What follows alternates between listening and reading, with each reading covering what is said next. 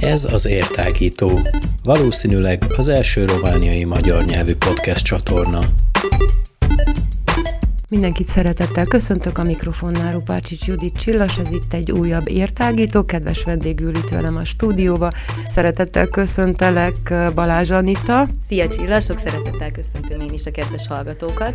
És hát van oka annak, hogy ellátogatott hozzánk Anita, nagyszalontáról érkezett ide, és nem olyan soká, mm, november 25-én pénteken 13 órakor a színházba is, a Szabó Odzsa Székelyhidi Városi Színházba is lehet majd vele találkozni, és akkor egy nagyon érdekes dolgot fog bemutatni, mégpedig a könyvet, az első könyvét, ami megjelent, és nem is akármilyen könyv, hanem gyerekkönyv. És hát most ebben a műsorban is én arra vagyok kíváncsi, hogy hogyan született ez a könyv, és aztán megpróbáljuk egy kicsit átbeszélni az is, hogy mi az a tíz téma, ami körül forognak ezek a mesék. Köszönöm szépen először is, hogy itt lehetek, és a meghívást nektek. Hát ez a mesekönyv egy több éves munkának az eredménye tulajdonképpen, mert az első mesék még a kislányom születése előtt íródtak meg, tehát egy ilyen három-négy évvel ezelőtt jött maga az ötlet, hogy elkezdjek meséket írni, mégpedig egy kedves barátnőmnek a biztatására. Ő volt az, aki elültette a bogarat a fejemben, hogy miért nem próbálok meg a saját meséimet megírni, méghozzá olyan mai modern témákban, amilyenekről korábban még nem igazán született mesekönyv, és ennek a, az ötletnek a nyomán gondolkodtam el én rajta, hogy hát tényleg ez egy jó ötlet, és mi lenne, ha megpróbálnám kibontani ezt a szálat. És akkor elgondolkodtam rajta, hogy mégis mik azok a témák, amik a mai gyerekeket érdekelhetik. Így jutott eszembe többek között a Facebook, amit ugye otthon valószínűleg a legtöbb gyerek tapasztal, hogy anya-apa nézegeti a telefonját, simogatja a képernyőt, és akkor ők gondolkodnak rajta, talán nem is hisztük, hogy mennyire odafigyelnek a gyerekek de odafigyelnek, és valószínűleg gondolkodnak rajta, hogy anyám éppen mit csinál, és így adta magát ez az ötlet, hogy akkor például a Facebookról szülessen egy mese, és aztán így viszonylag gyorsan sikerült még kilenc olyan témát találnom a mai világról, a, a jelenkorról, amiről én azt gondoltam, hogy érdekes lehetne ezeket a témákat egy picit így mesei köntösbe beöltöztetve elmagyarázni a gyerekeknek, úgyhogy így röviden összefoglalva ez volt az előzménye annak, hogy egyáltalán elkezdtem meseírással foglalkozni.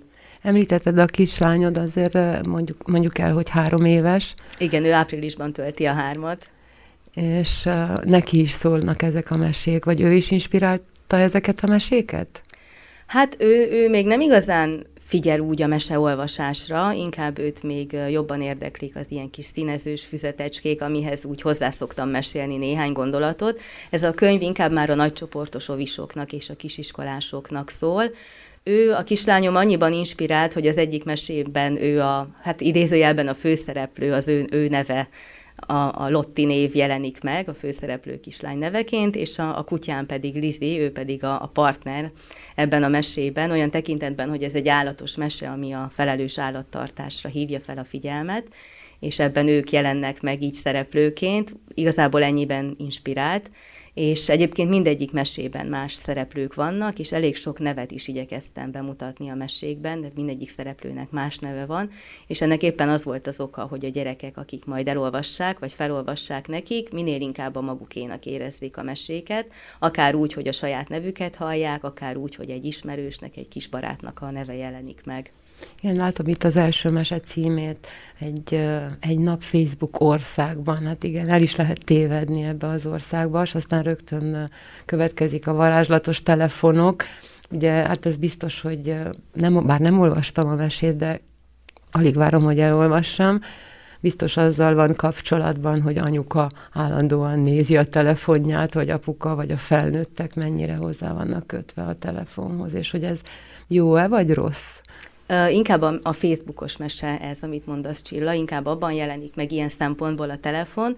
A másik, a, a Varázslatos Telefonok című mesében, ott inkább arról van szó, hogy mekkorát változott a világ olyan tekintetben, hogy ugye amikor még én is gyerek voltam, meg a, az én szüleim, akkor még ez a tárcsázós kunkori malacfarkú kábeles telefon volt, és ezt igyekeztem ebben a mesében bemutatni a gyerekeknek, hogy innen indult a telefon, meg a telefonálás, mint olyan, és hogy ma pedig már eljutottunk oda, hogy egy, egy maroknyi az egész telefon elfér a, a tenyerünkben, és ebben ezt mutatom be a nagypapának a, a meséjén keresztül, aki elmeséli a kisunokáknak, hogy hogyan is nézett ki annak idején a telefon, és akkor ők közösen előbányásznak egy ilyen régi készüléket, és e, e köré épült tulajdonképpen maga a mesei szál. Igen, az jut eszembe, hogy azért van egy generáció, jó generációnyi különbség közöttem és Anita között, és hát nekem még arról meséltek, mert nagyon örültünk, amikor a piros telefon megjelent otthon, a kunkori farkú piros telefon. Nekem meg még arról meséltek, hogy azelőtt pedig egy hölgyike ült egy nagy pult előtt, és dugdosta a kábeleket, hogyha össze akart kapcsolni két embert, hogy telefonáljon. És hát csak az utcáról lehet utcai fülkék jelentek meg először, érdekes, igen. De nézzük tovább akkor. Rendben. A varázslatos telefonok után, fú, túl meleg van. Bizony, túl meleg van, ezt tapasztaljuk sokszor, ugye? Ez a mese a globális felmelegedésnek a témáját járja körül. Egy osztályteremben játszódik a történet, és akkor az egyik kisgyerek, az egyik tanuló megjegyzi, hogy túl meleg van, hogy nyissunk már ki egy ablakot, és innen indul a beszélgetés a diákok és a tanítónéni között, hogy vajon mi, mitől van túl meleg, miért van az, hogy tavasszal már sokszor nem bírjuk elviselni a hőséget, és innen bontakozik ki maga a cselekmény, hogy ugye a globális felmelegedésnek a hatásait a gyerekek is, meg mindenki tapasztalja, és hogyan tapasztaljuk, és az órának, ennek a tanórának a, a tanulsága, vagy a, a levonata az lesz, hogy megbeszélik a diákok és a tanítónéni, hogy ők gyerekként hogyan tudják ezt a globális felmelegedést egy picit visszatartani, korlátozni, mi a, mik azok a tevékenységek, amikkel segíthetünk a Földnek, hogy meggyógyuljon idézőjelben, hogy ne, ne legyen probléma a globális felmelegedés kapcsán, akár a, a megélhetéssel, meg egyáltalán az egészségünkkel és a Földnek az egészségével. Aztán egy karitatív mese következik, az adni jó, segíts te is.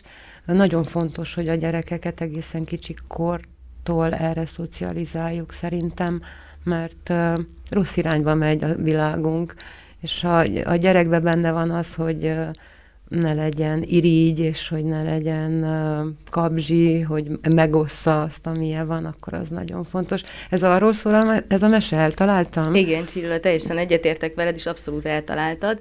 Én is úgy gondolom, hogy nagyon fontos a szülőként és pedagógusként is, hogy milyen mintát mutatunk a gyerekeknek, és nem lehet elég korán kezdeni, én azt mondom, erre a jóra való törekvésnek a, a nevelését, és annak a, annak a meglátásnak, annak a hitnek az átadását, ami majd a későbbiekben a gyerekeket is arra késztetheti, hogy önzetlenül segítsenek.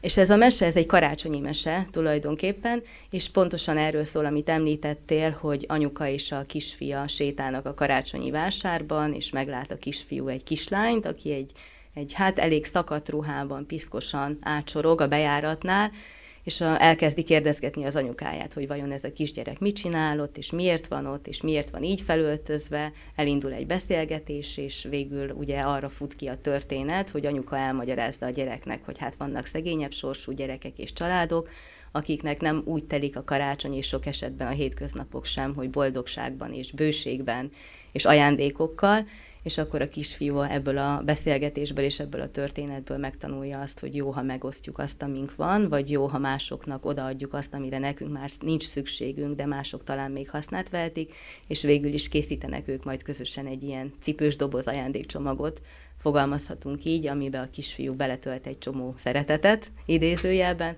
és akkor ez lesz a, a kislánynak az ajándéka az ő részéről. Ez egy picit bővebben ki van bontva a mesében, majd a kedves hallgatók, ha szeretnék, akkor elolvashatják bővebben. Nem szeretném lelőni az egész mesének a sztoriát. Ha az egészséges felnőtt leszek, ezt bízuk a hallgatókra, találják ki, hogy Rendben. miről szól, vagy még inkább vegyék meg a mesekönyvet és olvassák el főleg a gyerekeiknek, meg az unokáiknak.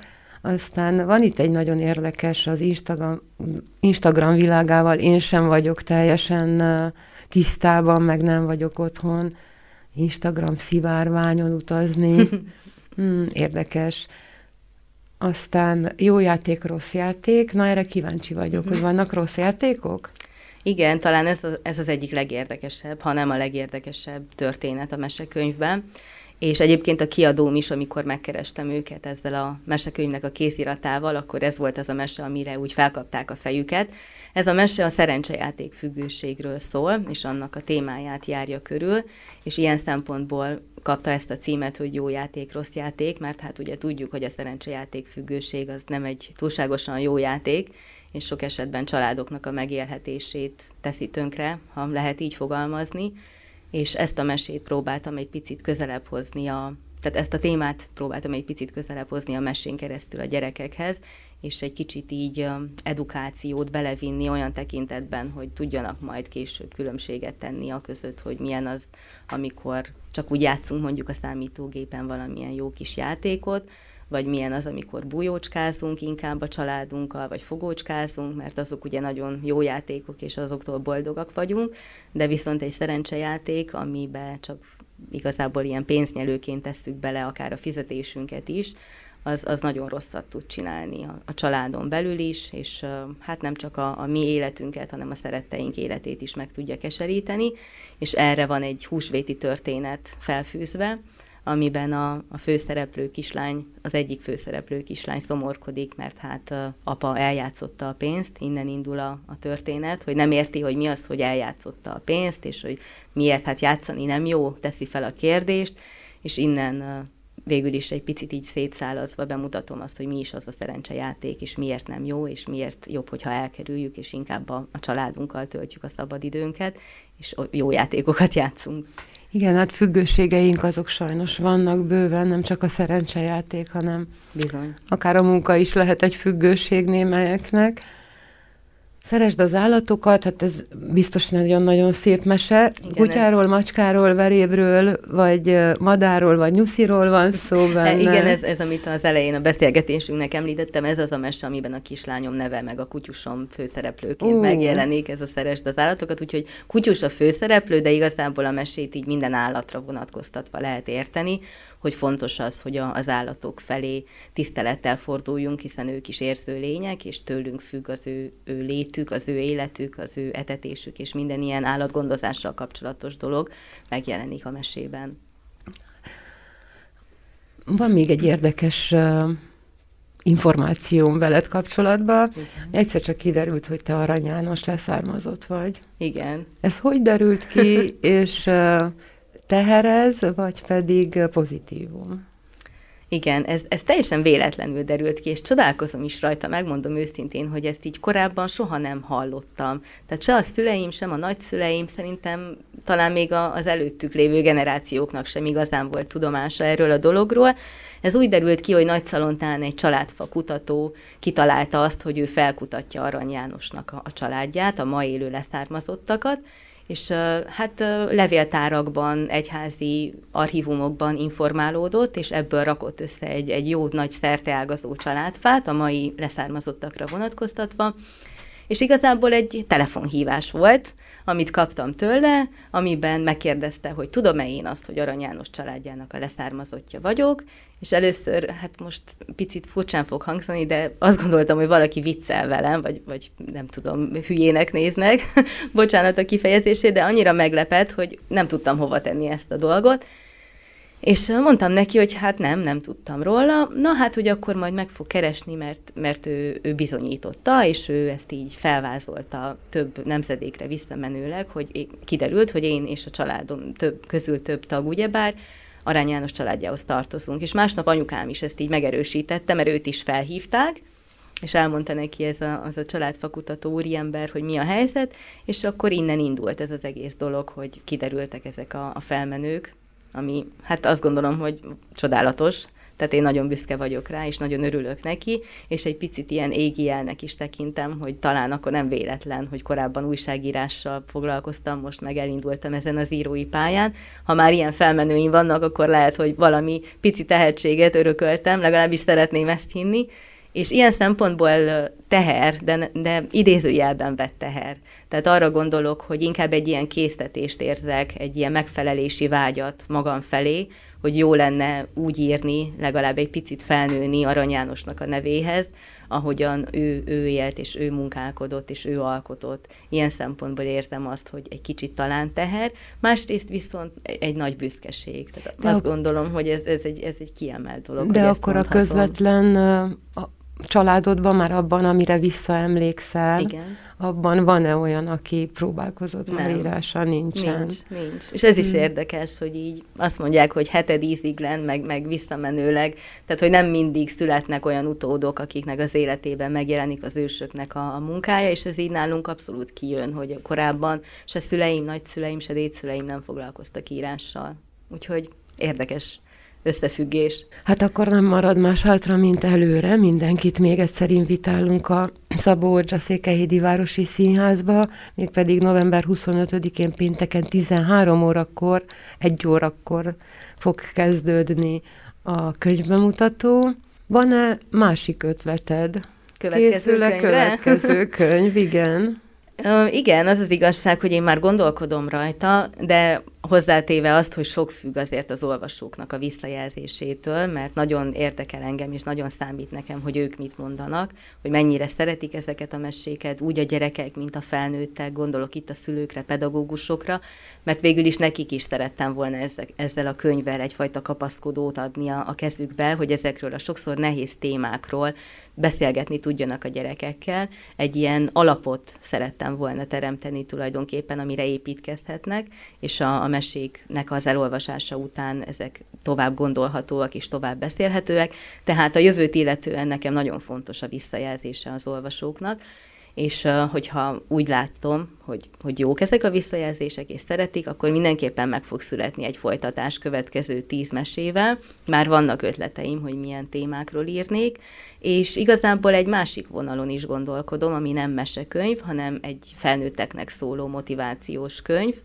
annál is inkább, mert ebben az évben én elvégeztem egy life és business coach képzést. Engem nagyon érdekel a, az önismeret, az önfejlesztés, a motiváció témaköre, hogy hogyan tudunk mi magunk jobbak lenni, és hogyan tudunk úgy élni, hogy a mindennapokban az örömöt vegyük észre, és a jó dolgokat, és sokkal kevésbé a, a negatívumokat. Úgyhogy ilyen megfontolásból és ilyen tekintetben szeretnék egy kis könyvecskével kedveskedni a felnőtt közönségnek is, és megkínálni őket ezekkel a témákkal, mert azt gondolom, hogy napjainkban talán minden eddiginél nagyobb szükség van arra, hogy a lelkünket is gondozzuk, és ne csak a, a testünket ápoljuk és arra vigyázzunk, hanem a lelkünket is építsük. Hát igen, nagyon bonyolult, összetett lények vagyunk mi emberek, és hát ezek a dolgok pedig összefüggenek. Ugye idén jelent meg ez a könyv, a Guru könyv kiadó. Könyvguru, igen. Könyvguru Budapesten. Vannak-e már visszajelzések? Vannak már visszajelzések, és eddig hozzám még csak jó visszajelzések jutottak el. Remélem, hogy ez a, a valóságot tükrözi, és amiket eddig így az olvasóktól visszajöttek, vélemények, azok mind, mindazok voltak, hogy a gyerekeket érdeklik a mesék, és leköti őket, és, és tovább kérdeznek, tehát pont amit szerettem volna elérni, az úgy tűnik, hogy így megvalósult, hogy a mesék által elindulnak egyfajta beszélgetések a szülők és a gyerekek között, és a pedagógusok is, akik már olvasták, azt mondják, hogy egy nagyon, nagyon hasznos könyv, és jól felépített, és tudják használni a, a munkájukban, a hivatásukban is, úgyhogy én nagyon örülök neki, hogyha ez így van, és remélem, hogy tényleg sokaknak a hasznára lesz. Köszönöm szépen, hogy itt voltál nálunk.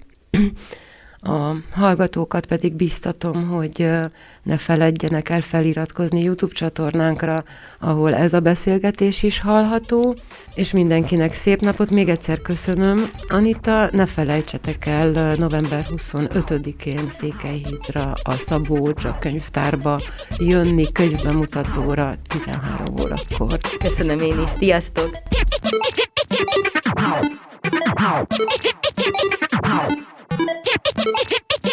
キャピキャピキャピキャピキャピキャピ。